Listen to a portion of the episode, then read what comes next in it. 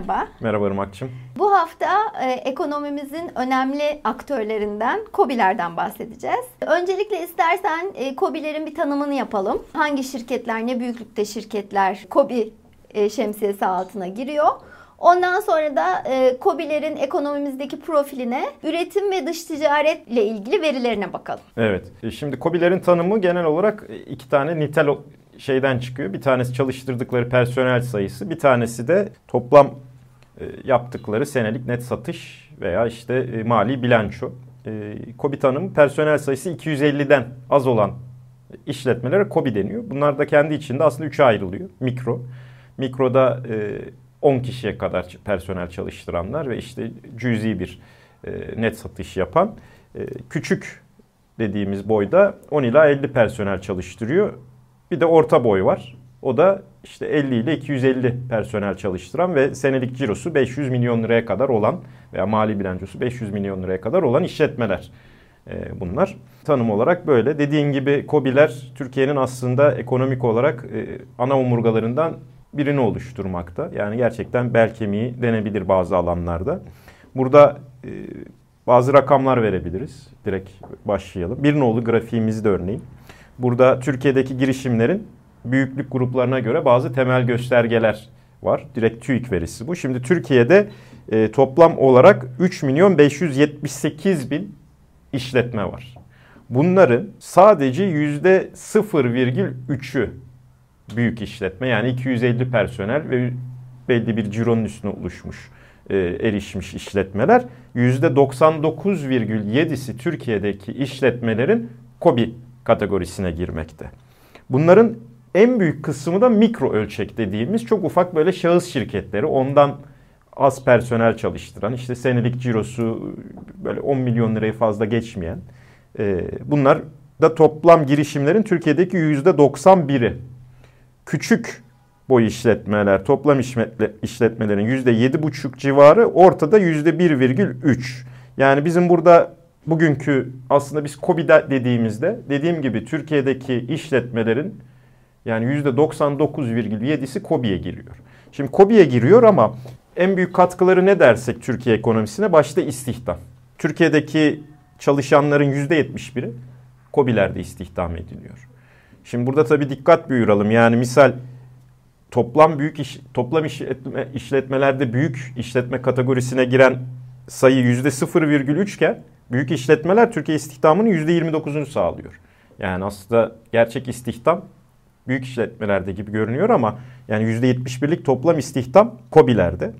Burada şu önemli ama toplam istihdamın %71'ini COBİ'ler sağlıyor ama toplam cironun %44'ünü sadece COBİ'ler sağlamakta. Toplam Türkiye'deki cironun %56'sı bu %0,3'lük büyük işletmelerden gelmekte. Yani gerçekten dev işletmeler var.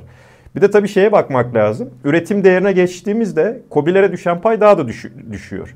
Toplam üretim değeri dediğimiz. Yani %99,7'lik işletme Türkiye'deki toplam üretim değerinin %37,3'ünü sağlamakta. Tabi burada özetle ne demek gerekir? Evet çok fazla işletme var COBİ dediğimiz. Ciddi bir istihdam da sağlıyorlar. Ama bunların yarattığı istihdam nitelikli bir istihdam değil genelde. Ve de üretimleri de katma değeri çok düşük bir üretim. Yani burada iki nolu grafiğimize geçelim hemen. İki nolu grafikte şunu görüyoruz. İmalat sanayinde kobi ve büyük ölçekli girişimlerin teknoloji düzeyine göre oranları. Şimdi bu grafiğin sol tarafında kobilerin ne tür bir üretim yaptığını görüyoruz. Yani yüksek teknoloji üretimi yapan kobi sayısı toplamın %0.7'si yani %1'i bile değil. Yani bu 3,5 milyon kadar kobinin sadece %1'inden az bir kısmı yüksek teknoloji üretimi yapıyor. Orta yüksek dediğimiz kısım %12, gerisi düşük ve orta düşük dediğimiz. Kaldı ki bunları da topladığımızda %86. Yani Türkiye'deki KOBİ'lerin teknoloji kullanımına baktığımızda imalat sanayindeki %86'sı ya çok düşük veya orta düşük teknoloji kullanmakta. Bu oran büyük firmalarda teknolojiye daha yüksek olarak gitmekte. Gerçi büyük firmaların da teknoloji kullanımı Türkiye'de çok düşüktür aslında dünyaya baktığımızda. Yüksek teknoloji ürünler sadece %3, orta yüksek dediğimizde %22,7. Yani büyük firmalar da aslında yine düşük teknolojiyle imalat yapmakta ama COBİ'lerde durum gerçekten teknoloji konusunda yani çok çok yani bir felaket diyebiliriz gerçekten. Çok gerçekten düşük.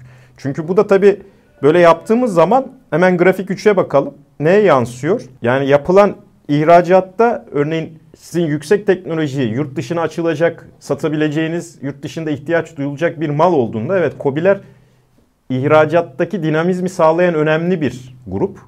Bu küçük ve orta boy işletmeler. Ama toplam ihracatın %30'unu sadece sağlamakta. %70'i büyük firmalardan gelmekte.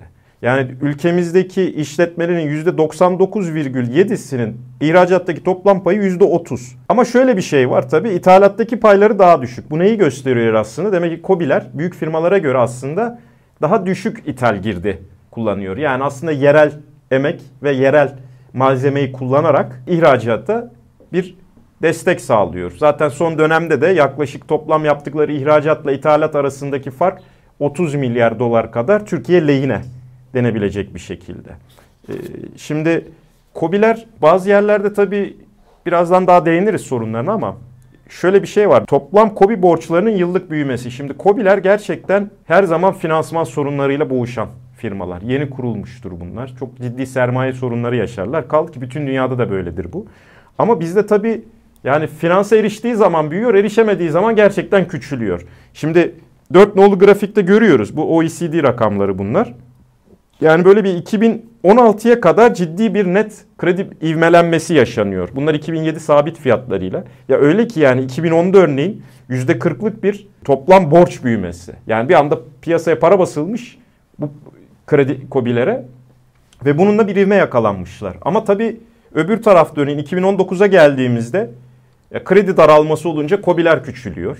2020'de pandemi zamanında tekrardan dev bir kredi büyümesi, %20 net bir kredi büyümesi. Sonra 2021'e geldiğimizde tekrar bir küçülme. Yani finansman sorunları yaşayan kobilere can damarı olsun diye finansman sağlanıyor da tabii bu böyle sonsuza kadar sürdürülebilecek bir şey değil. E böyle olunca da Türkiye'deki kredi muslukları açılıp kapandıkça böyle yoyo gibi e, yaşanan imalat büyümesi, imalat küçülmesi veya ihracat büyümesi, ihracat küçülmesine yaklaşıyoruz. Bu da tabii gerçek anlamda zorluklar yaşıyoruz. Neden? Çünkü dediğim gibi Türkiye'nin aslında en büyük sorunlarından bir tanesi her zaman cari açık olmuştur. Şimdi kobilerimiz üretim yapıp satmaya çalışıyorlar ama hep düşük teknolojili ihracat yaptıkları için katma değer çok düşük oluyor.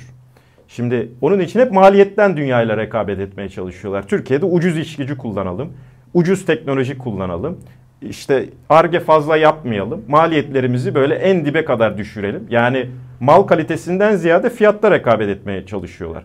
Ama düşük teknolojide de bu sefer Afrika gibi ülkelerle rekabet etmeye çalışıyorsunuz. Orada işçilik bizden de düşük. Ee, yani artık Asya ile zaten rekabet etmiyoruz. Yani Asya, Çin falan işçilik ücretlerinde Türkiye'nin daha üstüne geçmiş durumda. Çin falan bizi geçti artık yani. Ee, inanılacak gibi değil ama geçtiler yani maliyetlerde. Çünkü e, çalışanlarına daha yüksek ücretler ödüyor artık Çin. Ee, biz Afrika ile falan rekabet ediyoruz artık. Şimdi böyle olunca da fiyat düşülsün, maliyetler düşsün diye kobiler her zaman devlet nezdinde gidip bir devalüasyona karşı lobi faaliyeti yapıyorlar. Ya devalüasyon olsun, Türk lirası değer kaybetsin, bizim malımızı yurt dışına daha ucuz sat- satabilelim diye. Şimdi siz buna boyun eğdiğinizde birazcık kobilere can suyu veriyorsunuz ama ya bir süre sonra bu direkt Türkiye'ye enflasyon olarak geri dönüyor. O cari kapa açığı kapatmak için yurt dışı borçlanma olarak geri dönüyor. Böyle bir sarmallar silsilesinde son 50-60 yıldır Türkiye devamlı böyle iniş çıkışlarla devam ediyor. Son bir şeyine de bakmak isterim burada COBİ'leri incelerken. Şimdi COBİ'ler bir de şöyle tabii uzun vadeye baktığımızda bugünün COBİ'si yarının büyük holdingi olabilir diye düşünmek lazım ama bunların çoğu da maalesef hayatta kalamıyor. Yani şöyle bakalım. Grafik 5'te şunu görüyoruz. Kobilerin hayatta kalma süre, süreleri. Biri ilk senesindeki bir kobinin hayatta kalma ihtimali %81. Yani ilk sene %19'u bunlar silinerek gidiyor. İkinci iki yıl hayatta kalma ihtimali %67. 5 yıl hayatta kalma ihtimali ise %41. Yani beş, bugün bir kobi kurulduğunda bunun 5 yıl sonra ayakta kalma ihtimali ne dersen %41. Bunların bugün kurulmuş bir kobinin 5 yıl sonra %60'ı yok. Yani devamlık arz eden bir alan değil. Kobiler çok dinamiktir. Ama dediğim gibi o dinamizmin içinde çok fazla bir kısmı siliniyor. Şimdi grafik 6'ya geçelim. Grafik 6'da da zaten uzun vadede bu silinmenin nasıl yaşandığını görüyoruz. Şimdi Kobiler tabii Türkiye'de çok büyük bir kısmı aile şirketidir. Yani neredeyse hepsi aslında aile işletmesidir KOBİ'lerin. Bunların böyle profesyonel yönetimleri veya çok hissedar yapıları, anonim şirketi, borsaya kotasyonu gibi durum olmaz. Aile işletmeleri sahipliğinin nesilsel dağılımını görüyoruz grafik altıda. Bu da şu. Türkiye'deki işletmelerin, aile işletmelerinin %38'i birinci nesilde. Baba kurmuş. Bazen anne kuruyor ama genelde baba oluyor bu kuran. İkinci nesil oğula geçmiş veya kızına geçmiş. Bunlar da %47 ikinci nesili yaşayan aile işletmesi sayısı %47. Üçüncü nesile geçtiğimizde sadece %13. Yani bir KOBİ kurulduğu zaman aile işletmesi üçüncü nesile bunların sadece %13'ü geçebilmiş. Dördüncü nesilde ise sadece %2. Yani bu aslında şuna biraz benziyor. İşte baba kurmuş, oğlu veya kızı geliştirmiş, torun da yemiş.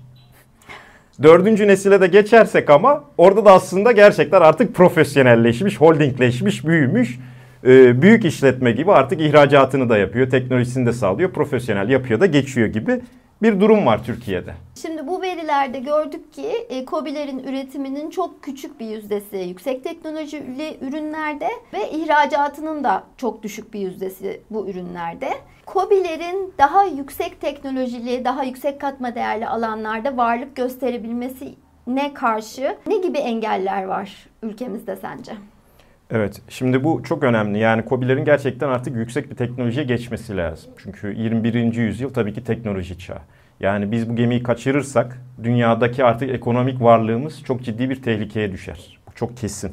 Şimdi buradaki en başta şey COBİ'lerin aslında sorunları çok da üç tane ana sorunu var bir yere erişebilmek için. Bir tanesi finansmana erişim. Yani çok kısıtlı kaynaklarla hareket ediyorlar. Öz sermayeleri yetersiz, işletme sermayeleri çok düşük oluyor. Kredi temin et, etmeleri çok zor oluyor bankalardan. Hep şahsi kefaletlerle yani işte malını mülkünü bir yere teminat göstererek bir kredi almaya çalışıyor. Bir de finansal bilgisi de az COBİ'lerin.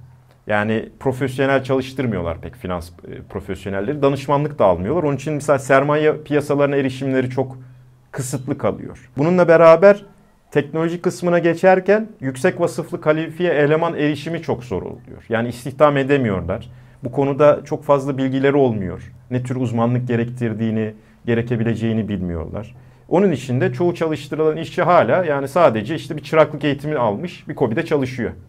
Yani onların yani sadece bir çıraklık eğitimiyle bir yere gelmiş bir insanı zaten yüksek teknoloji bir ürün de verseniz üretim için yani onu kullanmasına pek imkan yok. Yani daha böyle uluslararası dünyayı görmüş, biraz vizyonu geniş, teknolojileri kullanmayı bilen yüksek kalifiye eleman ihtiyacı var. Ama bunlar da COBİ'lerde istihdam edilemiyor. Çünkü hep dediğim gibi bizim COBİ'lerimiz hep düşük maliyete odaklanmış durumdalar. Onun için bütün ücretleri de baskılamaya çalışıyorlar. İyi de yani siz yüksek kalifiye bir insana askeri ücret mi önereceksiniz? Yani yapmıyor. Ondan sonra da insanlar tabii bizim gençlerimiz, eğitimli insanımız neden yurt dışına gidiyor diyor. Yani çünkü ücrette bir rekabet sorunu var zaten. Burada tabii bir tanesi de bazen yatırımları da yapamıyorlar. Bazı teknolojik yatırımları. Çünkü adı üstünde bunlar küçük ve orta boy işletmeler. Ölçek ekonomisine dahil değiller. Onun için üretime geldiğinde böyle çok yüksek toplu alım yapamıyorlar. Onun için mal alırken ya ham madde olsun veya teknolojik bir şey olsun rekabet edemiyorlar ham madde fiyatları için. Yani burada biraz piyasa koşullarına boyun eğiyorlar. Ve de hep dediğim gibi yani buradaki vizyon ya ben dünyada az bulunan bir şey geliştireyim. Bu teknolojiyi bütün dünyaya satayım değil. Ya buradaki mesele hep ya düşük maliyetli ürün yapıp fiyattan dünyada rekabet etmeye çalışayım. Bunu da yaparken de devlet Türk lirasını devalüe etsin diye bakış açısı olunca devamlı böyle bir döngüler içine kıramadığımız bir döngü bu. Şimdi bir sorun da sırf teknoloji meselesi değil bu. Yani kobilerimizin en büyük sorunlarından bir tanesi de bir markalaşamama ve pazarlamaya geçememe. İhracat konusunda bu çok büyük bir sorun oluyor. Gittiği pazarı da tanımıyor çoğu zaman. Yani bırakın zaten uluslararası piyasaları, pazarları tanımasını, yerel ölçekteki pazarları bile kobilerimiz maalesef yeri geldiğinde pek bilmiyorlar. Yani ben ürünü üreteyim, vereyim. Bakalım satacak mı, tutacak mı kafası. Uzun vadeli planlama, strateji geliştirme yok. Buralarda dışarıdan profesyonellerden destek almak yok. Bunlar çok zor. Ama benim gözümde tabii en büyük sorunlardan bir tanesi de şu. Ya bir hikaye yaratamıyor. Yani siz yeni bir ürün çıkartacaksanız bir hikayenizin olması lazım. Ya bu hikaye de benim dedem kurdu bu şirketi gibi değil yani. hani bizim işte babam şurada kurdu biz böyle tanınmış bir aileyiz falan. Bunlar değerli şeyler ama buradaki hikayeden kasıt yani siz nasıl eşsiz bir ürün sunuyorsunuz dünyaya? Ve bunun değeri, katma değeri nasıl oluşuyor? Ya bu hikayenin de yaratılma sorunu var. Ya buralara fazla yapılmıyor. Tabii bunların çözümleri ne? Bir defa ya profesyonel destek alınması lazım. Yani özellikle finansman konusunda, pazarlama ve hikaye yaratma konusunda buralara yatırım yapmaları şart kobilerimiz. Ve bunlara karşı tabii belli finansman da sağlanmalı bu tür yatırımları yaparken. Yani insana ve teknolojiye yatırım yaparken kobiler mutlaka desteklenmeli. Yani önce vizyon olacak tabii KOBİ'de. Ondan sonra da maddi destek sağlanması lazım bu alanlara girmeleri için. Özellikle ARGE yatırımları, e, teknoloji geliştirme. Yani çok düşük sayıda patent geliştiriyor Türkiye'deki KOBİ'ler. Çok düşük yani dünyaya baktığımızda hiçbir şey. Yaptığı ihracat da zaten Türkiye'nin toplam ihracatındaki yüksek teknolojinin payı %3-4'tür. Yani bizim misal Asya ülkelerinde %30-40'lara varan rakamlar. Onun için bizim ARGE yapmamız lazım. Teknolojiyi geliştirmemiz lazım. Şimdi ama kobilerimiz diyor ki ben yani hani geliştirsem teknolojiyi birisi çalacak. Çünkü patent hakları falan fazla korunamıyor diyor. İyi de yani gidip toplanıp Türk lirası devalüasyon olsun diye bu kadar lobi yapmayı bilirken niye gidip o zaman ARGE çalışmaların korunması için kobilerimiz esas bu alanda lobi yapmıyor? Ya bir araya gelin bunları çözün. Devlet de destek olsun size. Yani dediğim gibi ve toplu olarak bir hikaye yaratılması lazım. Şimdi burada belli destekler var. Örneğin Tur Quality özellikle uluslararası anlamda bir markalaşma sürecine girme, belli standarda, standartların yerleştirilmesi gibi. Ama gördüğümüz e, nokta yani gerçekten biraz yetersiz kalmakta. Yani hala çok düşük teknoloji ihracatımız. Gelişmiş ülkelerde COBİ'leri desteklemek için ne gibi yaklaşımlar benimseniyor? Evet. Ya gelişmiş ülkelerde aslında destek önemli ama şöyle bakmak lazım. KOBİ sadece böyle rakamsal nitel bir nitel bir şey değil. İşte yok 50 kişi çalıştırıyor, 200 kişi çalıştırıyor, şu kadar ciro yapıyor değil. Aslında KOBİ bir zihniyettir de. Yani bir zihinsel dünyası vardır onun. Bir aile bir işe girer, nesillerden nesile geçmesini isteyebilir. Adını, soy ismim yürüsün der, dünyaya bir şey katacağım der. Tabii bunu yaparken de bir zenginleşmek ister yani.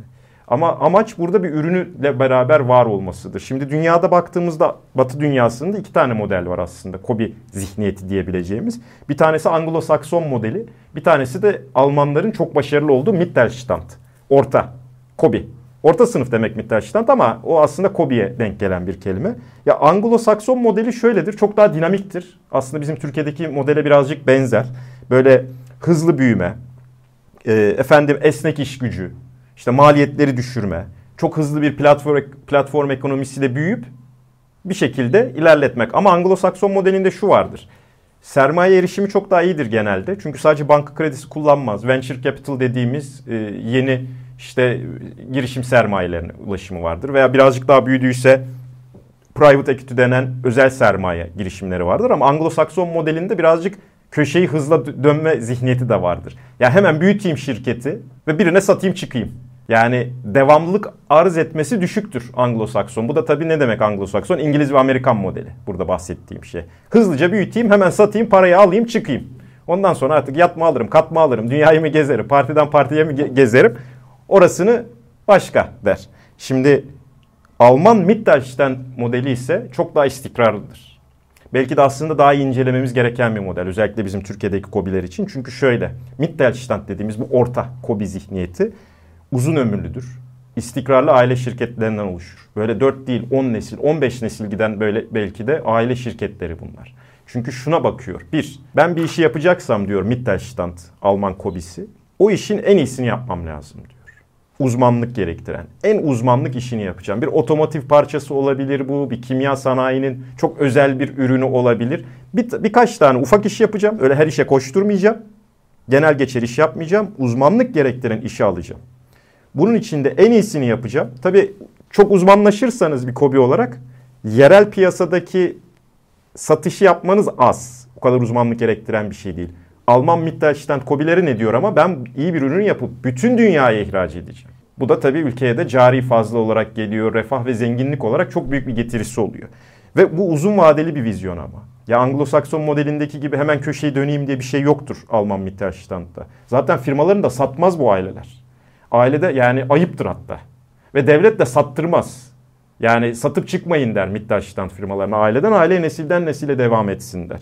Şirketle duygusal bir bağ kurulur. İşçisi olsun, şirketin sahibi olsun. Dediğim gibi çok yüksek inovasyon. Çünkü o uzmanlaşmasıyla var olan kobiler bunlar Almanya'daki. Ve de tabii Böyle olunca da nesilden nesile bir bayrak devri oluyor. Bir de içinde bulunduğu bölgeye, şehre veya köye. Çünkü bu kobilerin bazıları köylerdedir. Çok dağılmıştır Almanya'da e, şirketler. Yani tek bir bölgede bulunmazlar. Bütün ülkeye yayılmışlardır. Oraya da bağlılığı vardır. Sosyal sorumluluğu da yüksektir. Bulunduğu bölgeyle var olur. Ve o kobi oraya o Mittelstand geriye bir şey vermek ister. Bunun artı değeri nedir dersek? Ya şimdi şöyle söyleyeyim tabii. Bu dinamizmi daha azdır Alman Mittelstandların. Anglo-Sakson modeline göre yani İngiliz ve Amerikan modeline göre. Çünkü daha yavaş büyürler. Kararları uzun vadeli vereceği için biraz daha zaman alabilir. İnovasyon gerçekleştirmek zaman alan süreçlerdir. Nesilden nesile bir bayrak yarışı, bir maraton diye görür. Bunu bir sprint değil de bir maraton olarak görür. Böyle olunca da birazcık yavaş büyür. Ama ekonomik kriz dönemlerinde de çok daha istikrarlıdır. İşçi çıkarmaz, satışlarına devam eder. Yani biraz önce dediğim gibi bizim ülkemizdeki gibi böyle yoyo gibi bir anda patlayıp büyüyen ondan sonra iki gün sonra çöken Kobi modelinden ziyade yavaş ama istikrarlı büyüyen ve krizden fazla etkilenmeyen bir model bu. Yani bizim de bu ya bir model seçmemiz aslında gerek yok. Yani hani Anglo-Sakson mu olsun, Alman Mittelstand mı olsun değil. Hepsi olsun ama iyi incelememiz lazım. Belki bir kısmı daha istikrarlı nesilden nesile giderken bir kısmı da çok daha hızlı büyüyüp çok daha dinamizm bir modelle giden böyle bir karma model COBİ'ler için belki faydalı olabilir. Bugün ekonominin e, ana aktörlerinden e, çok önemli bir e, grup şirketin COBİ'lerden bahsettik. Yine her zamanki gibi COBİ'lerde çalışan izleyicilerimizden yorumlarını bekliyoruz. Haftaya görüşmek üzere. Görüşmek üzere.